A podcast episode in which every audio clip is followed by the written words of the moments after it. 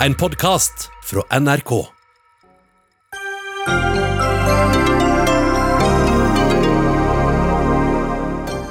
Tysk høyreradikal drepte ni personer i tillegg til seg selv og sin egen mor.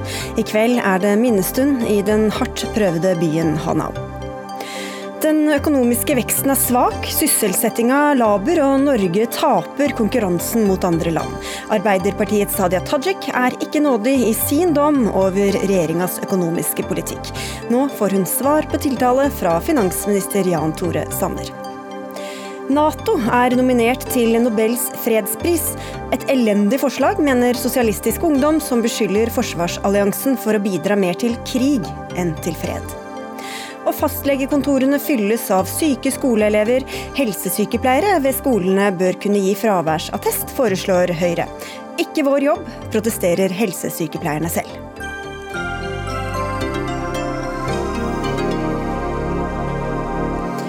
Dette er blant sakene i dagens Dagsnytt 18. Mitt navn er Sigrid Solund. Ti mennesker ble skutt og drept i den tyske byen Hanau i går kveld. Angrepene blir etterforsket som terror. Den antatte gjerningsmannen ble funnet livløs i sitt eget hjem, sammen med moren sin, som altså var et av ofrene. Den tyske gjerningsmannen i 40-årene la ut en video på YouTube og et manifest på sin egen nettside før angrepene. Nå klokka 18 begynner en minnemarkering i byen Hanau i delstaten Hessen, og der er du korrespondent Roger Severin Bruland. Hvordan er denne seremonien lagt opp? Ja, nå har akkurat uh, kirkeklokkene begynt å ringe her, og folk strømmer til uh, markedet i sentrum av byen. Her er uh, de som har vært med i redningsaksjonene i dag, som ambulanse, brannvesen, politi. Bilene deres står parkert rundt her. Og det er jo naturlig nok en ganske dempa og, og trist stemning her. En stemning som er til å ta å føle på. Hva er kommet ut om gjerningsmannen? Ja, Det har jo kommet uh, stadige drypp uh, i hele dag. Uh, det er snakk om en mann som da har, før han gjorde dette her, publisert et tilståelsesbrev, et manifest som tysk presse kaller det. En video Eh, der han eh, kanskje ikke eksplisitt eh, sier at han har noe imot islam, men han har noe imot fremmedkulturelle. Og Derfor så har jo også myndighetene i Tyskland gått hardt ut og fordømt det, og gått langt i å si at det her er høyreekstremistisk terror. Betydninga eh, av denne terroraksjonen eh, kan vi jo se på at eh, Frank Walter Steinmeier, altså presidenten i Tyskland, er venta her for å snakke til folket på markedet. Og vi ser også folk som går rundt med tyrkiske flagg. med De har laga plakater. Og det er veldig mange som Eh, stille opp her i dag i denne byen for å støtte lokalsamfunnet. Eh, markere at en er mot rasisme, for toleranse, og at folk her eh, står sammen når tragedien råker. Og selve hendelsesforløpet, hvor klart er alt hva som faktisk skjedde? Altså, Politiet gikk jo ganske tidlig ut og antyda at det var snakk om en antatt gjerningsmann, eh, som de hadde klart å spore opp. Finne da leiligheten der han fant den antatte gjerningsmannen død, eh, sammen med hans eh, mor. Politiet hadde ikke antyda at han har stått i ledtog med noen.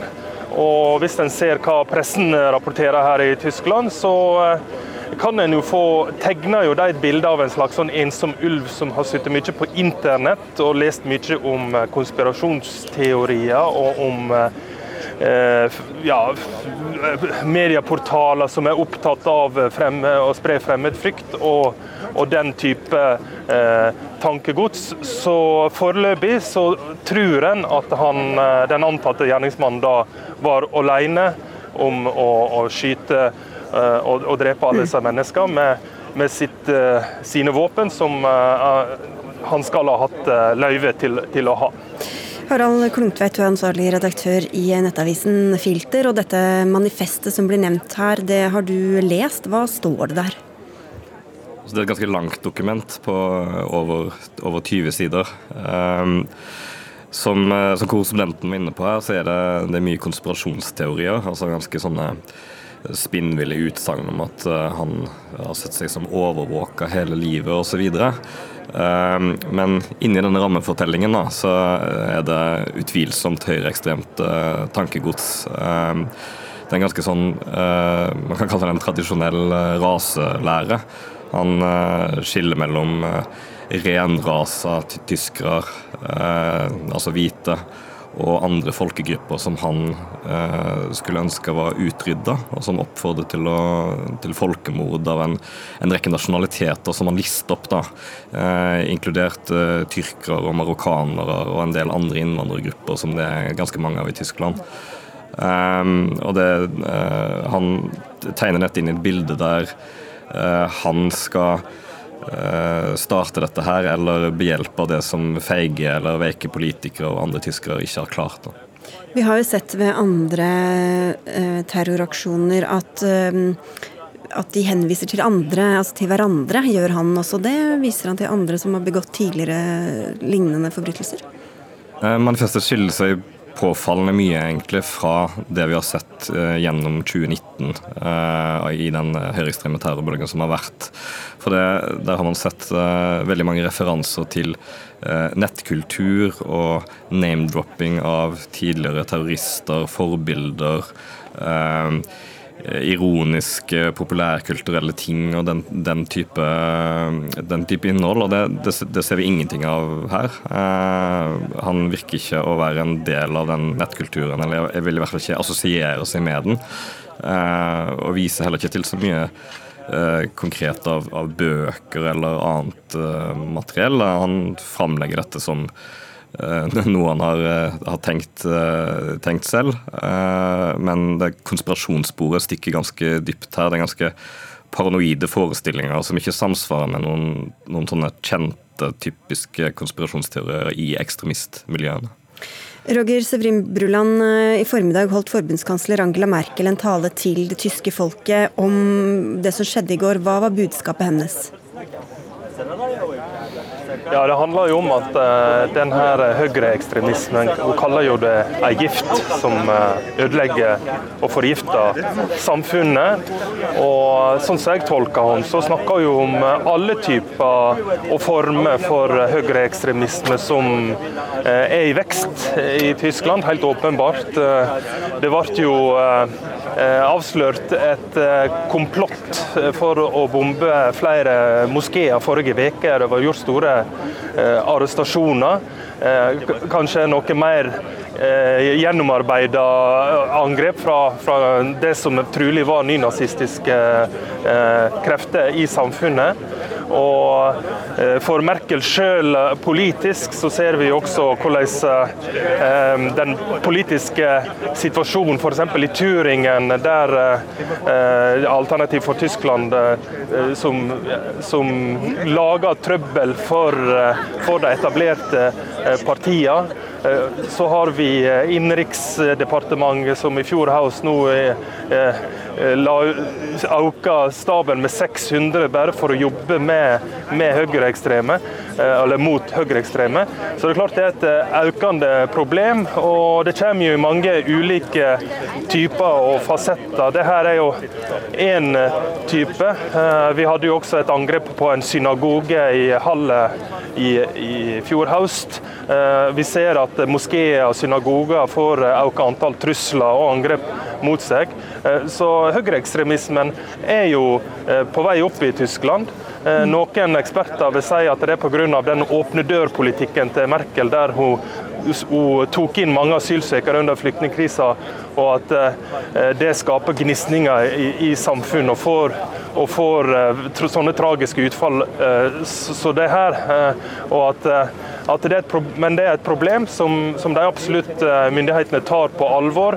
Og når sånne ting skjer, sånn som Eh, I dag så, så er en raskt ute og fordømmer og raskt ute og, og markerer motstand mot all form for eh, intoleranse, rasisme og, og fremmedhat. Mm.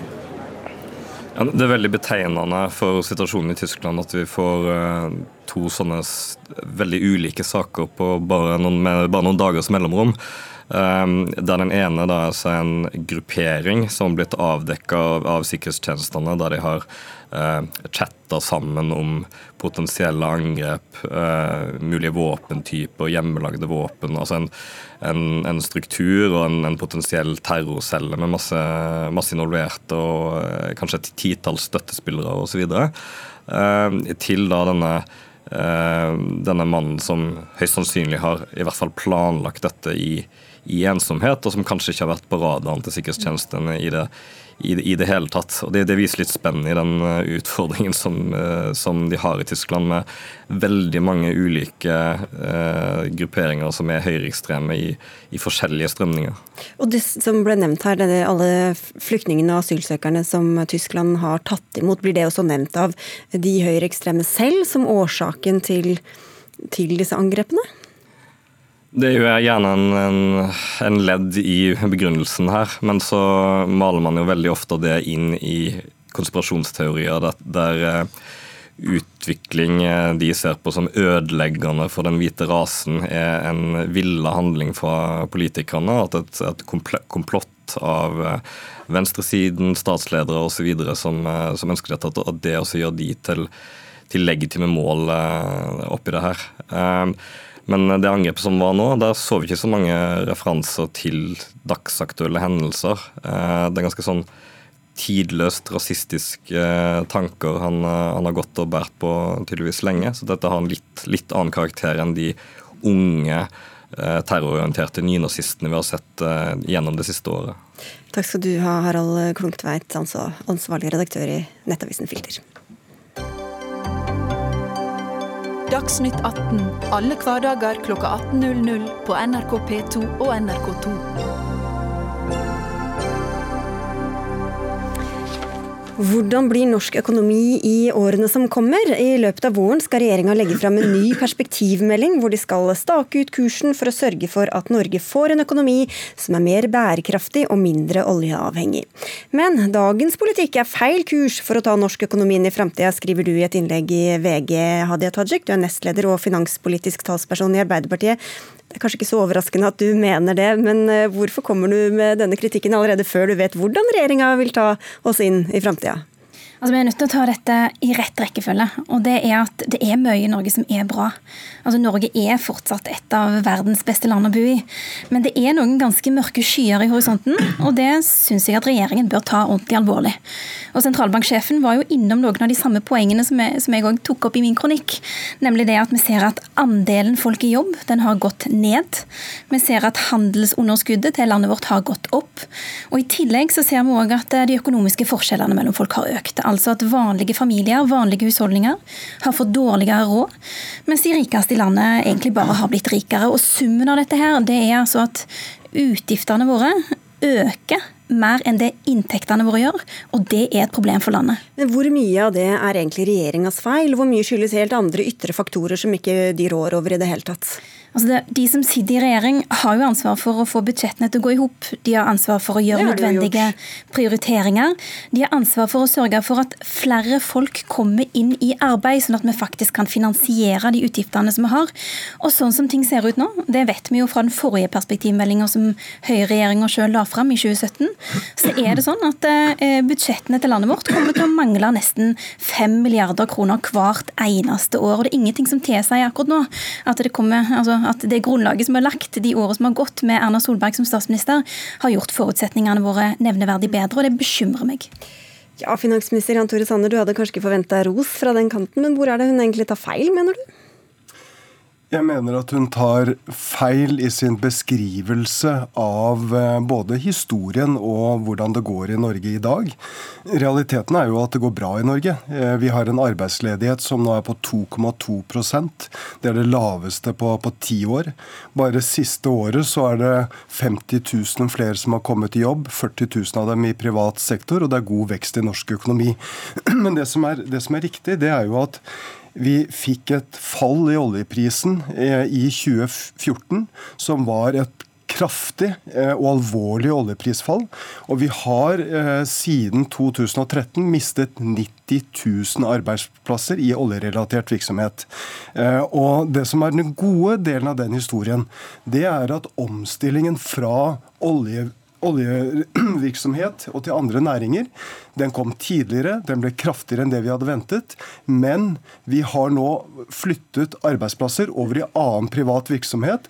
Og sysselsettingen er nå høyere enn det den var før krisen. Så det betyr at omstillingen den har vært vellykket. Og det er en suksesshistorie som ikke bare er regjeringens eh, ansvar, men hvor også partene i arbeidslivet har spilt en viktig rolle. Men hvor finanspolitikken har vært viktig, og oljevirksomheten selv har tenkt nytt. og de har kuttet kostnader. Men, men der kom jo omstillingen av noe som var helt utenfor deres eh, kontroll, da. Ja, og sikkert ikke hadde ønsket ja, heller. Alle, alle, snakker jo om eh, at vi skal gå fra petroleumsvirksomhet og til annen virksomhet. Eh, og Realiteten er at vi nå, ifølge sentralbanksjefen, kan ha den bratteste nedgangen bak oss. Det viser jo at vi har en omstillingsdyktig økonomi.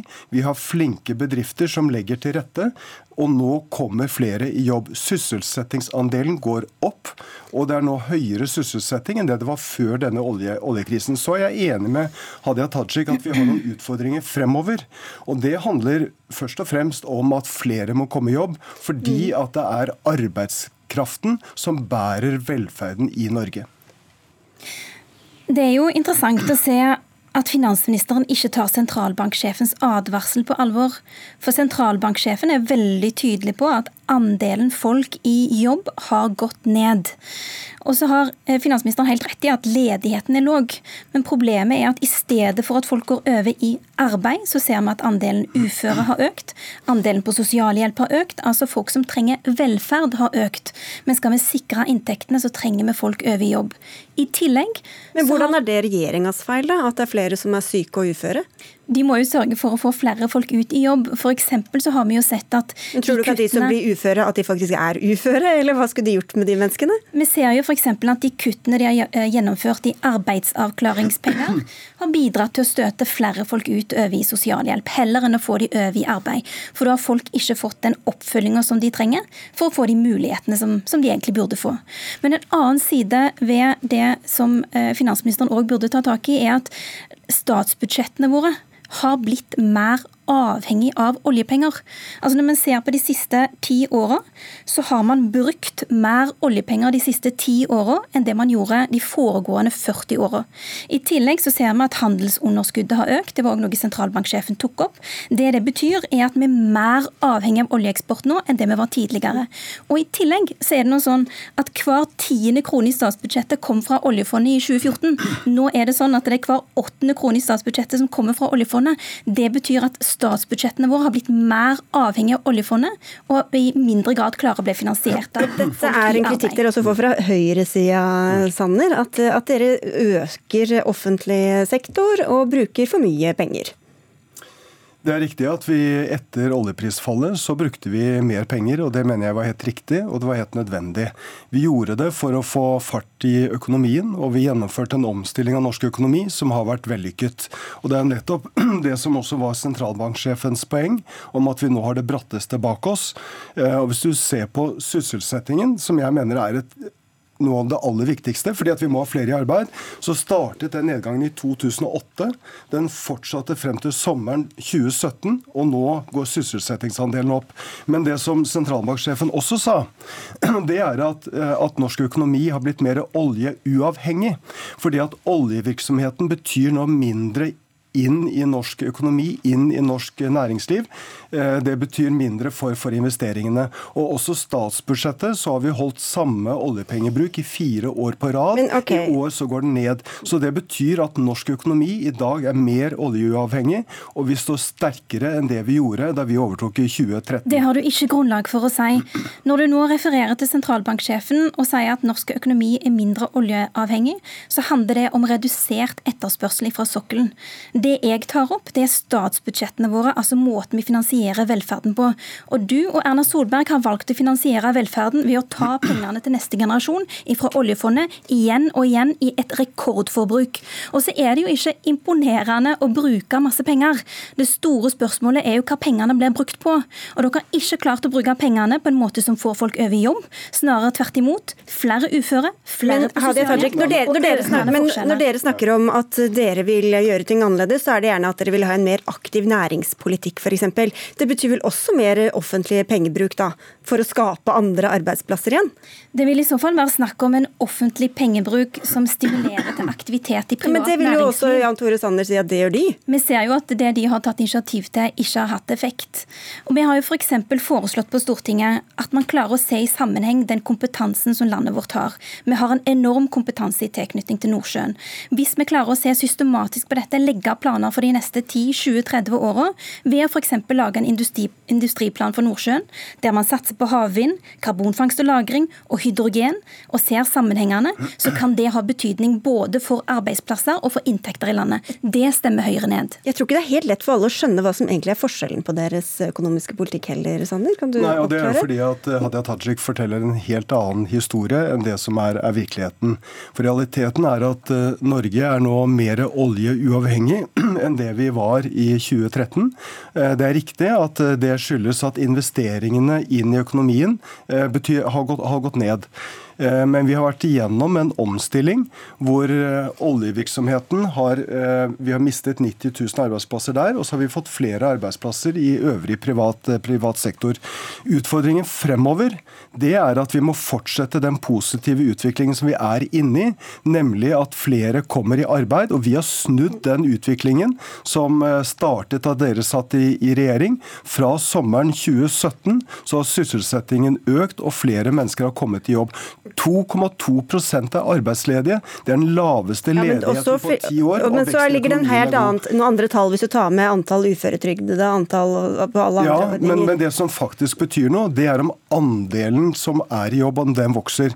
Fordi at det er arbeidskraften som finansierer velferden vår. Og så er det riktig at av oljepengene, så har de gått til investeringer. De har gått til investeringer i vei, i bane, i okay. utdanning, i forskning. Og det er det som skal være den fremtidige veksten for norsk økonomi. Veldig kort, Tajik.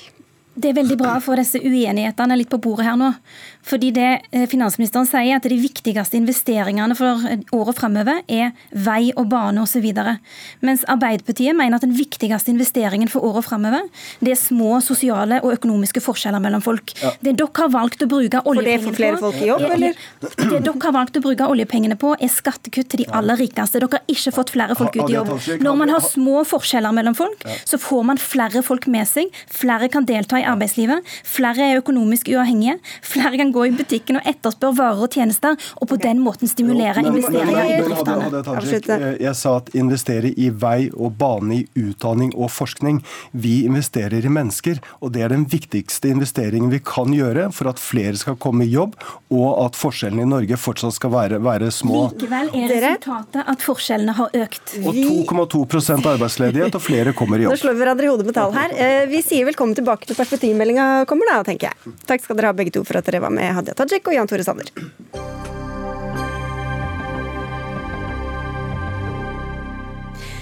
Snart her i Dagsnytt 18 skal vi diskutere om helsesykepleiere ved norske skoler bør kunne avlaste fastlegene og skrive ut helseattester til skoleelever. Men før det skal vi til USA. Han tapte alt. En katastrofe. Kritikken mot Michael Bloomberg er knallhard etter demokratenes TV-debatt i Las Vegas i natt, som var Bloombergs første. Etter å ha brukt antagelig mer enn 300 millioner dollar på politiske TV-reklamer de siste månedene, sikret mangemilliardæren Michael Bloomberg seg denne uka gode nok meningsmålinger til å bli med i kampen om å bli demokratenes presidentkandidat, og dermed også plass i nattens debatt.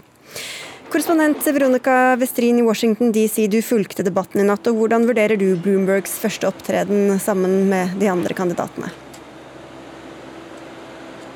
Han ble jo virkelig en eh, skyteskive under denne debatten. Det var mange som var ute etter å ta han. Og han sjøl bar jo preg av å ikke ha stått på en scene på veldig lang tid. Dette var altså hans første offentlige opptreden sammen med de andre kandidatene på scenen foran det amerikanske folk. Og eh, kritikken mot han eh, etterpå har jo også vært eh, stor. Det jo, blir jo kalt for en katastrofe, hele denne opptredenen. Hvor viktig er disse debattene egentlig for velgerne i USA? Det er jo ikke en stor andel av den amerikanske befolkningen som følger med på disse debattene. Det er de spesielt interesserte. Eh, de siste debattene er det vel noe sånn, rundt som ti millioner amerikanere som har eh, fulgt eh, med. Noen ganger har det vært litt høyere. I Iowa f.eks., som var den staten som starta nominasjonsvalgene som nå er i gang her, så var det 7,3 millioner amerikanere som så det i et land hvor det bor over 300 millioner mennesker. Så egentlig prosentandelen blant det norske folk er kanskje høyere enn hos amerikanerne som er opptatt av dette, da. Men eh, for å avslutte, hvordan gjorde Bernie Sanders det? Han gjør det jo veldig godt på meningsmålingene nå. Hvordan, hvordan eh, kom han ut av kvelds eller gårsdagens debatt? Bernie Sanders ble også utsatt eh, for eh, en del eh, angrep, men var jo også blant dem som angrep Bloomberg f.eks. ved hans praksis med, da han var ordfører i New York, hvor det var en praksis hvor man enkelt, da, politiet enkelt kunne stoppe og kroppsvisitere folk på gaten, noe som blir tegnet som diskriminerende f.eks. for, for afroamerikanere. Og dette var noe Bloomberg også tok selvkritikk på og sa at denne praksisen eh, kom ut av eh, kontroll. Eh, ellers vil jeg jo trekke fram Elizabeth Warren som den virkelig store vinneren i nattens debatt. Takk skal du ha, Veronica Westrin. Kristina Pletten, du er utenrikskommentator i Aftenposten og har vært USA-korrespondent for avisa. Hva er ditt inntrykk etter nattens debatt? Jeg syns det var en veldig spennende debatt. Det var en mye mer underholdende debatt enn de tidligere debattene har vært. Og jeg er helt enig med Veronica i at eh, Bloomberg gjorde for så vidt en ganske elendig figur. Men jeg tror at han fungerte som en slags katalysator da, på de andre kandidatene og fikk frem noe i de som vi ikke har sett tidligere. De var skarpere, de var mer villige til å, å, å trekke skillelinjer mellom hverandre. og summa summarum så tenker jeg at eh, de som så debatten, fikk en mye mer sånn klarere og tydeligere eh, inntrykk av hvilke valg de står overfor. og ja, jeg, jeg, må si at jeg, jeg er enig også i at Elizabeth Warren da gjorde en, en veldig skarp figur, men også flere av de andre. Mm. Og Vi må snakke litt om Bernie Sanders, som mm. altså har tatt ledertrøya, hvis vi skal bruke det begrepet. For du har en kommentar i Aftenposten i dag hvor du skriver om Sanders-revolusjonens mørke side. Det høres jo skummelt ut. Hva er det for noe? altså, Sanders eh, har jo bygd en bevegelse gjennom mange, mange år. Um, og han, etter at han, eller egentlig under valgkampen i 2016, så begynte det å dukke opp en, eh, et element av hans tilhengere på nettet som var ganske aggressive i måten de opptrådte på, som var ganske nådeløse i angrep på privatpersoner, og som gikk ganske langt da også i å spre informasjon og desinformasjon. Så ble det etter hvert vist at noe av dette ble også forsterket av russiske bots. Så det var ikke bare Bernie Sanders tilhengere. Men dette her har egentlig forsterket seg og utviklet seg i fire år. Til den valgkampen vi er inne i nå. Og vi ser at eh, det fortsatt eksisterer en ganske sånn sterk eh, bevegelse, da.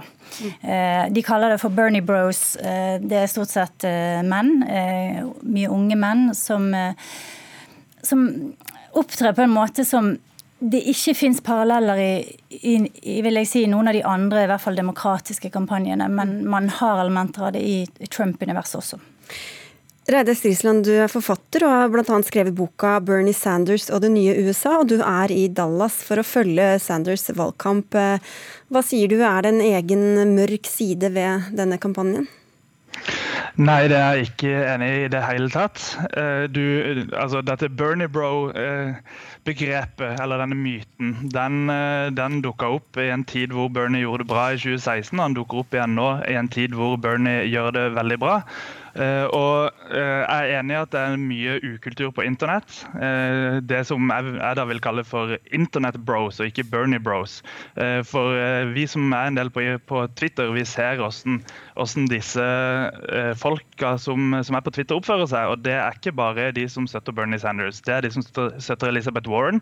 jeg har sett mange eksempler på angrep fra de som støtter Elizabeth Warren på, på f.eks. Bernie sine afroamerikanske talspersoner. Eh, så, så det, det, det, stemmer ikke. Eh, det som stemmer, det er at Bernie har flere supportere online.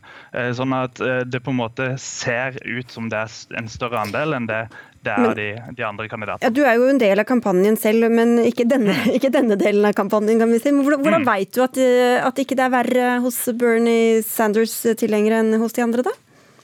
Det er gjort studier hvor man har undersøkt eh, dette fra 2016. Og så er det også interessant å se at f.eks. støttespillere til, til, Elizabeth Warren Hun har en støttespiller som heter Anne Marie Preston, som, eh, som, har sagt forferdelig rasistiske ting. Men det skriver ikke media om. Hun er en offentlig person, eh, mens, mens når ukjente, anonyme Twitter-følgere som sier at de støtter Bernie Sanders, sier noe som, som er galt, så er det selvfølgelig galt. Men men det er rart at, at det er Sanders da, som får mm. denne kritikken. Ja, Pletten, Hvordan vet du at dette er spesielt for eh, Sanders? Altså, Dette har jo pågått siden 2016. Det har pågått i fire år. Det fins en lang rekke vitnesbyrd. Eh, folk har stått frem, de har fortalt om drapstrusler, de har skrevet bøker. Det er, det er ikke en myte, som, som, noen kaller det, men dette blir jo en sånn sirkulær argumentasjon da, der man sier at ja, dette kommer frem fordi at Sanders nå gjør det bra og folk vil skade han. Og dette er jo ikke eh, altså Det er ikke svart-hvitt, ikke sant? for det finnes jo også folk eh, i andre deler av internettet som har andre sympatier, som også opptrer ille. Eh, men eh, det har vært en helt sånn tydelig eh, greie for Sanders-kampanjen. Han har ikke gjort nok, tror jeg, for å slå ned på det. Nå har det vært veldig mye fokus på det de siste ukene. Så er det jo klart at de andre kampanjene tar fatt i det og bruker det selvfølgelig for det det er verdt, også for å for å dra Sanders ned i skiten. Så, så klart, det er, det, det er, ikke bare Sanders-supportere her som, som, spiller et tøft game. Men det, det, unnskylder på en måte ikke den, den, greien vi har sett. Og jeg har sett det selv ganske lenge, har fulgt ganske mye med på Twitter i, i årevis. Men du sa tidligere også at du sammenligna dette med, med, Trump, og at det var likheter der. Hva, mm. Hvilke likheter er det, da? Altså, Trump og Sanders har jo begge bygget en slags bevegelse over lang tid eh, som ligger utenfor det etablerte partiapparatet. Eh, det er veldig en løselig tilknytning til partiet. Eh, og de har skapt en lojalitet blant sine tilhengere som de andre politikerne bare kan drømme om. Den lojaliteten er eh, veldig verdifull. Den, den, er veldig viktig for dem, og den gjør det at de har en, en, veldig politisk makt. Men den gjør også at de kanskje får en del um, tilhengere som er mer inderlige, da, for å bruke et pent ord, okay. enn det mange andre politikere har. Ja, Strisland, Er du enig i analysen at det er visse likheter her blant tilhengerne, om ikke akkurat i politikken? Nei, jeg er ikke enig i det. og Du ser også hvem det er som støtter Bernie Sanders nå. Sammenlignet med de andre kandidatene, så ser du at han har den mest mangfoldige støtta. Han har mest støtte fra latinamerikanere, han har støtte fra kvinner, han har støtte fra afroamerikanere. Så det er en bevegelse nå som er i ferd med å, med å vokse fram, som, eh, som er multietnisk, som, eh, som, som, er brei. Eh, og og det, det, er ganske urettferdig da, at i en tid hvor, eh, hvor disse stemmene kommer fram Bernie Sanders har selv en veldig, eh, en veldig brei kampanje hvor eh, han har en kampanjeleder som heter Faiz Shakir. Han har en pressesekretær som heter Brianne Anjoy Roy, som er afroamerikaner. Uh, og, og, disse blir på en måte borte da, denne, mens, mens, man angriper disse såkalte hvite Bernie Bros på, på internett. For uh, dette er en mangfoldig kampanje som Eh, som, av folk som har lyst på et eh, mer rettferdig USA. Det er folk som er engasjerte fordi de ikke har råd til helsetjenestene som, eh, som, de trenger. Det er 30 000 mennesker som dør i USA hvert år som følge av at de ikke får helsetjenester. Det er 500 000 som går økonomisk konkurs. Vi, vi, har ikke stemmerett her, du trenger ikke å overbevise noen her i studio. Men, men, men, men, poenget der er bare at folk er engasjerte fordi de virkelig trenger det. Ja. Eh, og, og, når de blir kalt for Bernie Bros, så provoserer det ganske mange her, her borte. Ok, kort avslutningsvis? Ja, altså jeg tror at eh, det er veldig mange engasjerte mennesker eh, i Bernies univers. Jeg har møtt mange av dem selv. Jeg har intervjuet hans, eh, en av kampanjetoppene hans, Nina Turner, som er en afroamerikansk dame.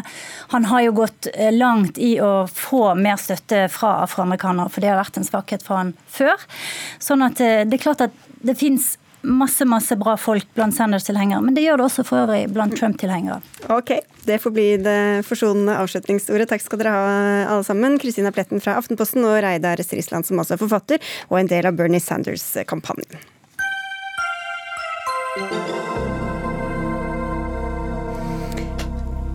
Etter at fraværsgrensa på 10% ble innført, ble norske legekontorer rent ned av ungdomsskole- og videregående skoleelever som ønsket sykemelding for å få gyldig fravær fra skolen. Tall fra Allmennlegeforeninga viser at hver fastlege har én til to elever fra videregående inne hos seg selv hver dag. For å avlaste bør helsesykepleiere på norske skoler få skrive ut fraværsattest, foreslår du, helsepolitisk talsperson i Høyre Sveinung Stensland. Men men hva hjelper det om elevene må karre seg til skolen i stedet for til legen hver gang de føler seg dårlig? Nå er det vel ikke av hensyn til legene primært jeg har foreslått dette, det er aller mest av hensyn til elevene. For elevene har høy tillit til helsesykepleierne. og det, det eh, flere og flere kommuner har nå fått en god ja, eh, men eh, det er lettere for en elev å ta kontakt med en helsesykepleier som er i nærheten, enn å komme seg til et legekontor i mange tilfeller. Og det er også sånn at eh, det er elever som har foreslått dette. Selv fikk jeg ideen etter et skolebesøk på en skole i min hjemby Haugesund. Eh, så dette er noe som eh, mange elever syns er en god idé. Mm. Og Samtidig så ser vi at flere fylkeslag i Høyre har foreslått det. Ok, men Det er vel ikke akkurat noen sånn grunnleggende forskning på dette her, men det kan jo også hende at fastlegekontoret ligger nærmere enn skolen, uten at det er tilfellet i hvert enkelttilfelle. Men vi skal til deg, ja, det kan, det kan være, det kan være tilfellet, men mitt poeng er at dette vil gi en større fleksibilitet og der det ligger til rette for det lokalt, så kan dette være en god løsning.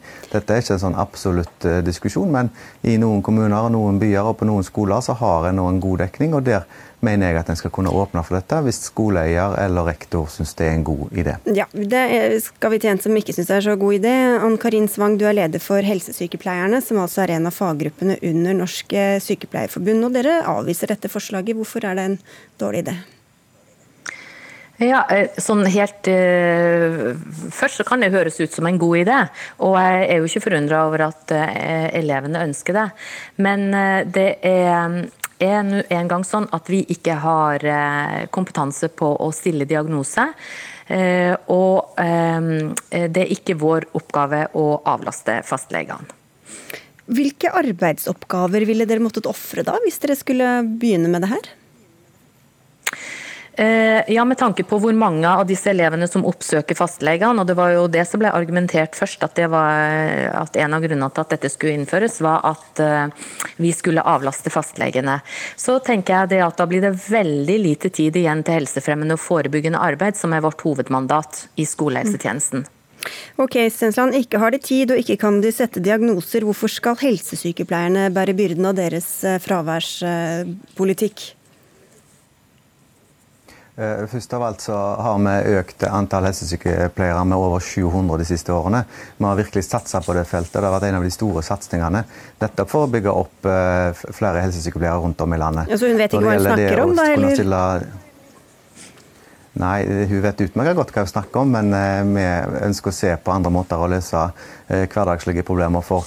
Og Det er ikke snakk om å sette diagnoser. På samme måte som foreldre skriver fraværserklæringer for barn uten at de setter en diagnose, så mener vi at en helsesykepleier kan gjøre det samme.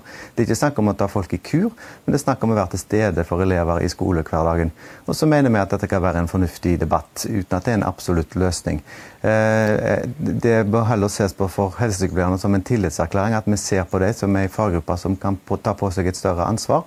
Eh, og det at eh, avlasta legene har blitt ett av poengene, betyr ikke at det er det viktigste poenget i denne saken. Det viktigste poenget for meg er å skape en tryggere og bedre hverdag for norske skoleelever, samtidig som vi opprettholder fraværsgrensa. Og så sier du Svang at det kanskje motsatte vil skje, at det ikke blir noe sånn veldig tryggere forhold mellom eh, elevene og helsesykepleierne. Hva er logikken der? Nei, altså Jeg, jeg syns det er kjempeflott at Høyre, nå med talsmann Stensland, syns det er flott at uh, at vi skal eh, være mer til stede i skolen. Og så sier han også det, Jeg har lyst til å kommentere det han sa med at vi var blitt 700 flere. Fordi at Regjeringa har eh, vært flink til å bevilge midler til kommunene for at de skulle styrke vår tjeneste, men dessverre har de ikke vært like flink til å øremerke disse midlene. og Det er derfor ingen som vet hva disse pengene brukes til i kommunene. Og De undersøkelsene vi har gjort viser at de brukes jo i hvert fall ikke til å styrke vår tjeneste i alle kommunene. Eh, sånn at eh, det er en, eh, det er en ubegrunna altså Man kan ikke si at, det, at vår tjeneste styrker så mye som han sier. Det er det ene. Og det andre er at hvis det er sånn at man ikke krever Hvis man tenker at vi ikke trenger den medisinske kompetansen til å skrive det i fraværsmeldingene, da skjønner ikke jeg hvorfor ikke f.eks. kontordama på skolen eller kontordama hos legen kan skrive den fraværsmeldinga. fordi at det er jo litt av det som er grunnen til at de sier at vi skal gjøre det, at vi på en måte er helsepersonell. Mm. Ja, Stensland? Jeg har større respekt for helsesykepleiere enn lederen her legger til grunn. Jeg, jeg mener absolutt at helsesykepleiere er bedre i stand til å vurdere om en person er skikket til å gå på skolen enn kontorsøster er. Og når det gjelder, Vi kan godt gjøre dette til en talldiskusjon, men alle som er i Norge og alle som jobber innenfor helsesektoren i Norge, har et ansvar for at vi organiserer tjenestene på en mest mulig tjenlig måte. og Da er nettopp denne type debatter viktige for å se mm. hvordan vi kan gjøre hverdagen enklere for de det gjelder, og i tillegg utnytte den samla kompetansen som vi har i helsetjenesten best mulig. Men, og Da noterer jeg at mange støtter dette forslaget. Noen syns det er dumt, og de som syns det er aller dummest, det er helsesykepleierne. Men jeg tror denne diskusjonen her kan det komme noe godt ut av. Okay, og vi kommer til å fortsette å satse på helsesykepleierne og ja. følge opp kommunene som. Ja. Men Svang, eh, du, dette, dette, med forholdet til elevene, for som jeg egentlig prøvde å komme inn på i stad, hva mener du at det kan gjøre med forholdet mellom elever og helsesykepleiere på skolen? Ja, Vi tenker jo at det også kan være med på å svekke det forholdet, det gode tillitsforholdet som elevene har til oss. fordi at Da skal vi sitte og vurdere om du er frisk nok til å være på skolen eller ikke. Og Da må vi noen ganger si at det syns vi du er, og så er de uenig i det. Og så må vi noen ganger si, eh, altså, og jeg tenker at Hvis de er kommet seg på skolen og kommer til oss for å spørre om det, så er de kanskje friske nok til å være på skolen også. Eh, så jeg tenker at det også kan virke helt mot sin hensikt. Og så tenker jeg det at eh, Med de, de få ressursene som vi har i skolen, så tenker jeg det at vi også mister veldig mye. Når, at det er mange som mister veldig mye med at vi skal være opptatt av å sitte og skrive disse fraværsmeldingene, istedenfor å jobbe helsefremmende og forebyggende. Og Da mister vi veldig mange av de elevene som banker på døra og som har lyst til å, å ha en samtale samtale med oss. Ok, Da skal du få avslutte, Stensland, for det er vel nettopp derfor dere ville satse på helsesykepleierne, for at de skulle være dette lavterskeltilbudet man kunne snakke med om alt? Ja, absolutt. Og, og jeg ønsker større tilstedeværelse. Det som nå Men da får de en sånn port portvokterrolle i stedet? Ja, altså Dette blir, vil være en liten del av det som blir hovedansvaret, nemlig forebyggende arbeid. På samme måte som det er en liten del av fastlegen sin rolle. Og det fremstilles her som det at en skal gjøre dette vil svekke tilliten. Vel, i dag er det legene sitt ansvar, og vi har høy tillit til fastlegene i Norge. Så, så, det blir en litt sånn rar debatt. Eh, jeg mener vi skal styrke helsesykepleierne sin rolle i Norge. Vi skal fortsette satsingen på flere helsesykepleiere. Og de kommunene som ikke følger det opp, der må faktisk eh, lokalpolitikerne gjøre jobben sin, for her er det bevilga penger. Og dette er et viktig satsingsområde for at elevene skal ha en trygg og god skolehverdag, og forebygging på et lavest mulig nivå for å hindre at flere blir syke og sliter med psykisk helse og andre mm. problemer, som vi ser blant unge i dag. Sveinung Stensland og Anne Karin Svang, takk skal dere ha for at dere var med i Dagsnytt 18. Hør Dagsnytt 18 når du vil. Radio NRK Radio.nrk.no.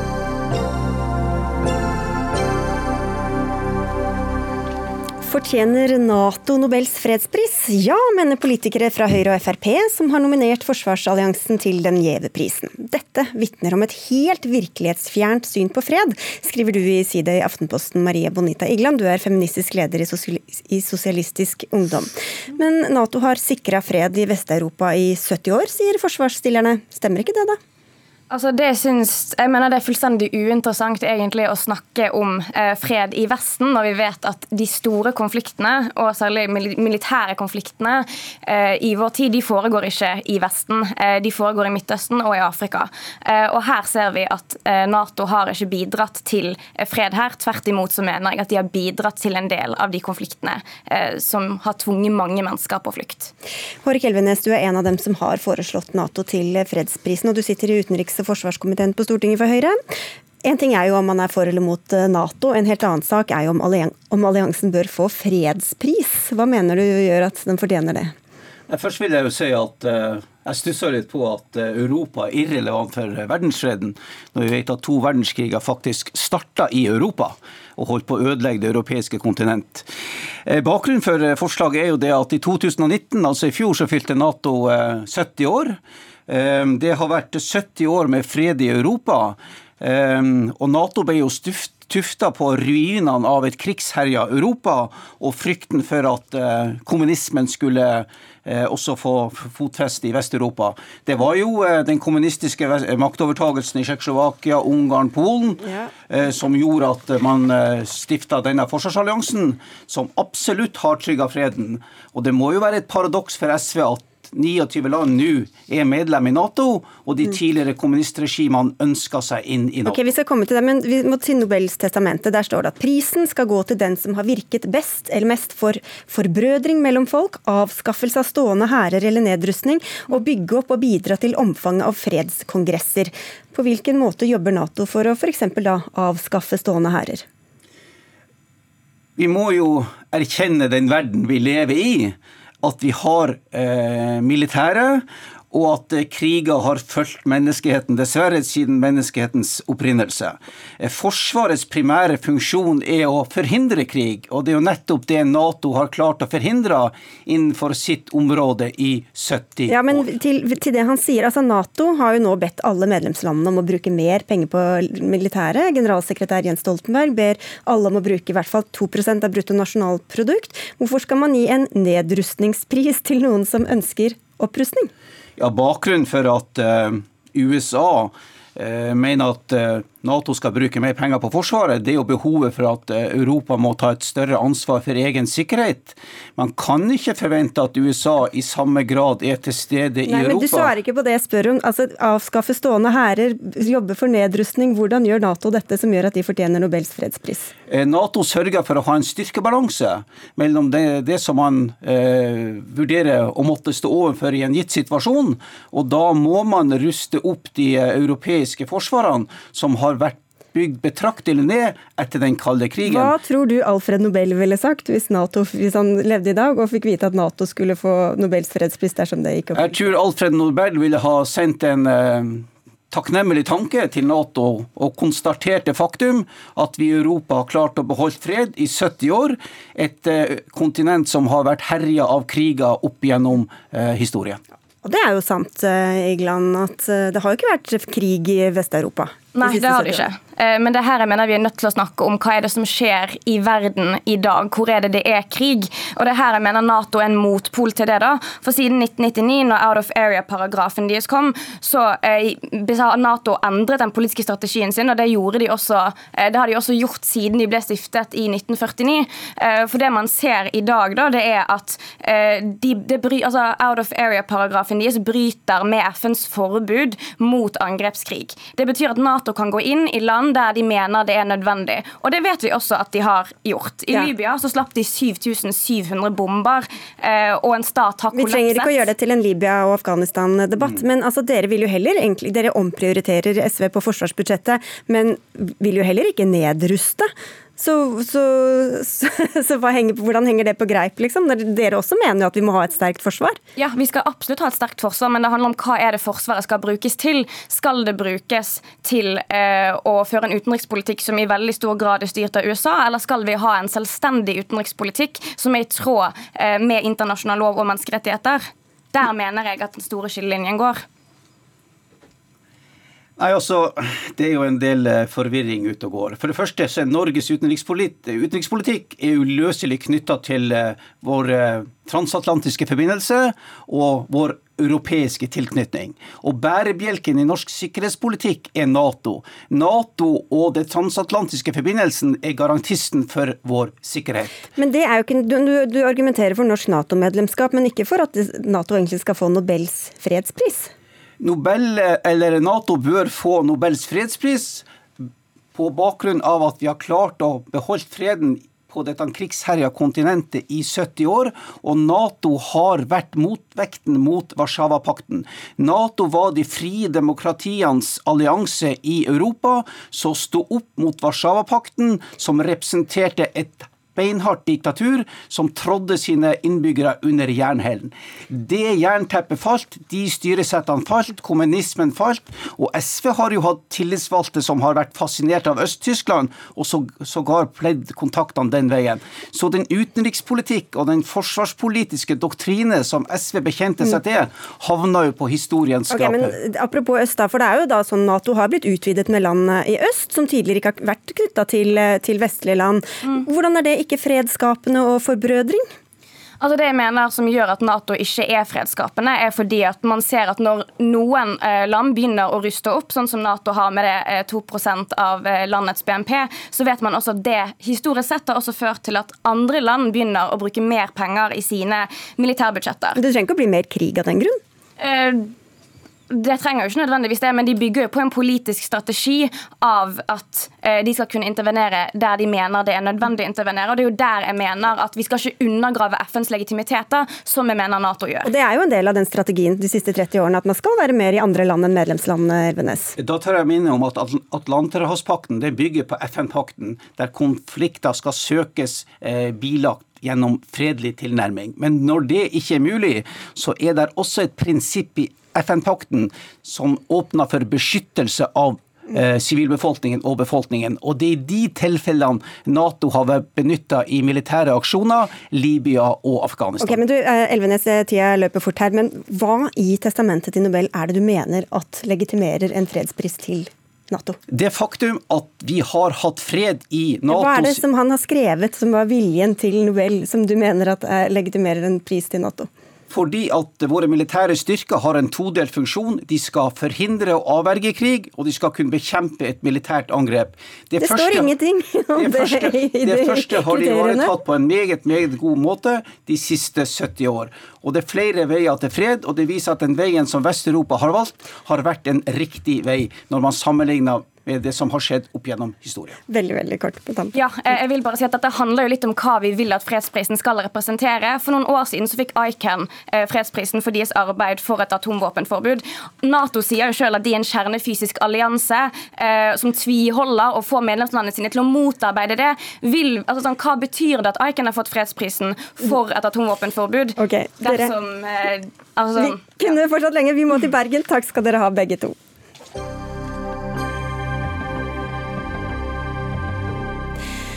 Hvis du er lærer eller har barn i skolen, har du kanskje vært på foredrag med Barnevakten, stiftelsen som har spesialisert seg på å gi råd om barn og unges mediebruk. Barnevakten ble opprinnelig finansiert av den kristne organisasjonen Tro og Medier, som har som formål å gjøre Jesus synlig i mediene.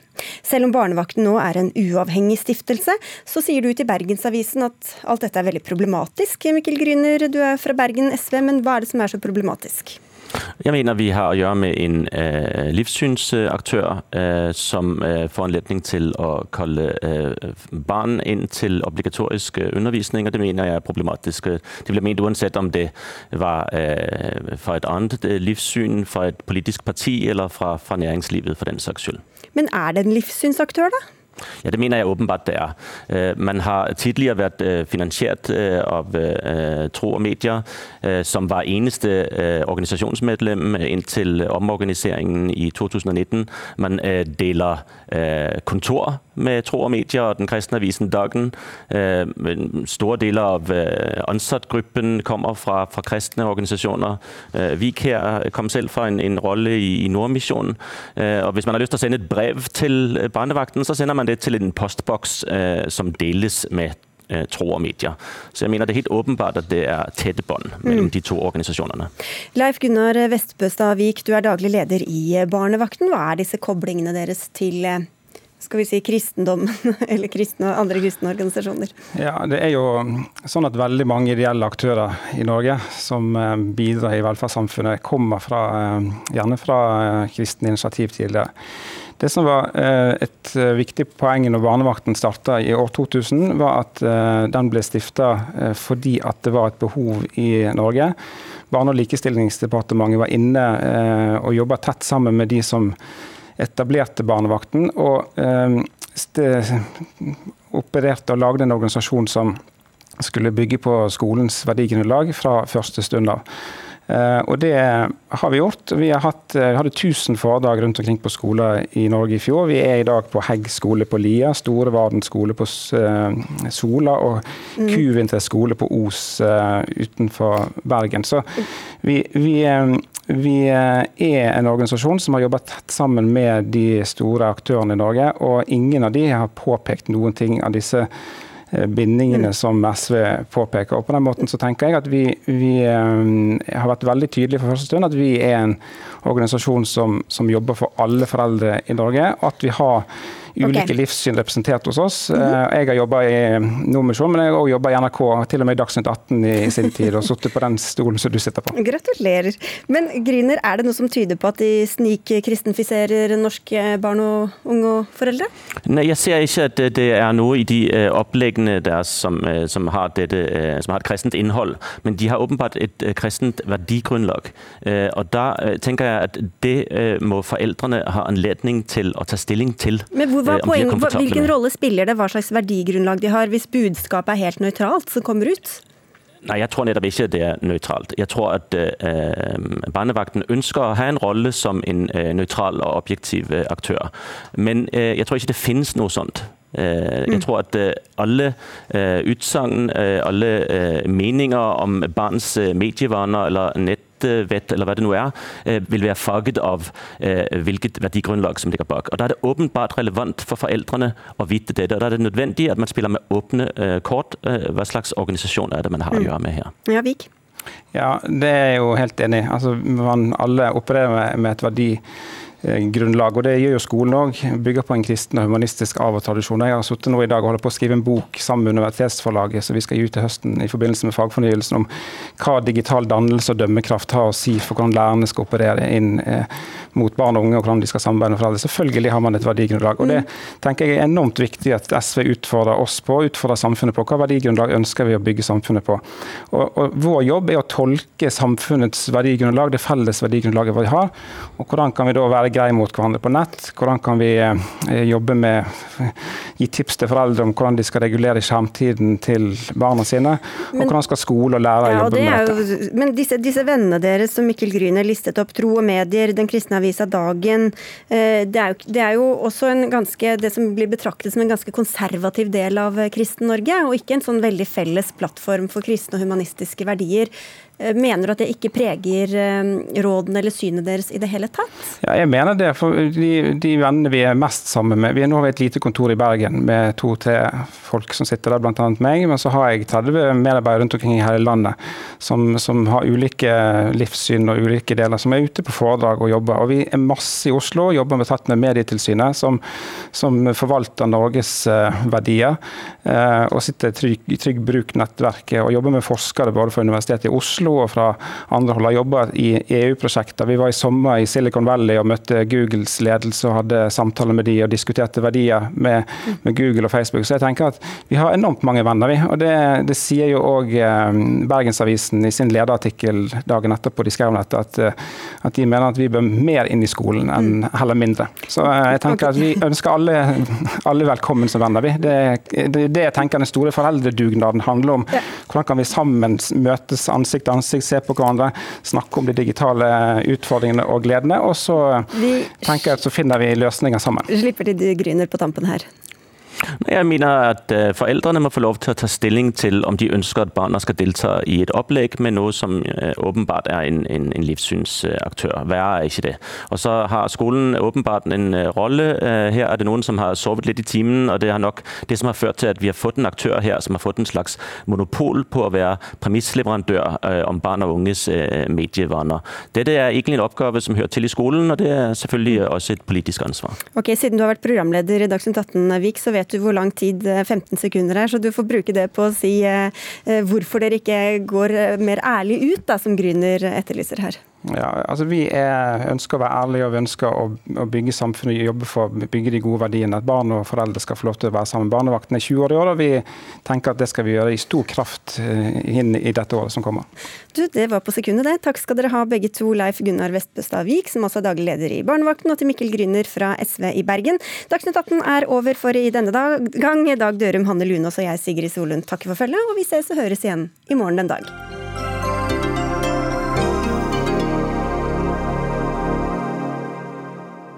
Du har hørt en podkast fra NRK. Hør flere podkaster og din favorittkanal i appen NRK Radio.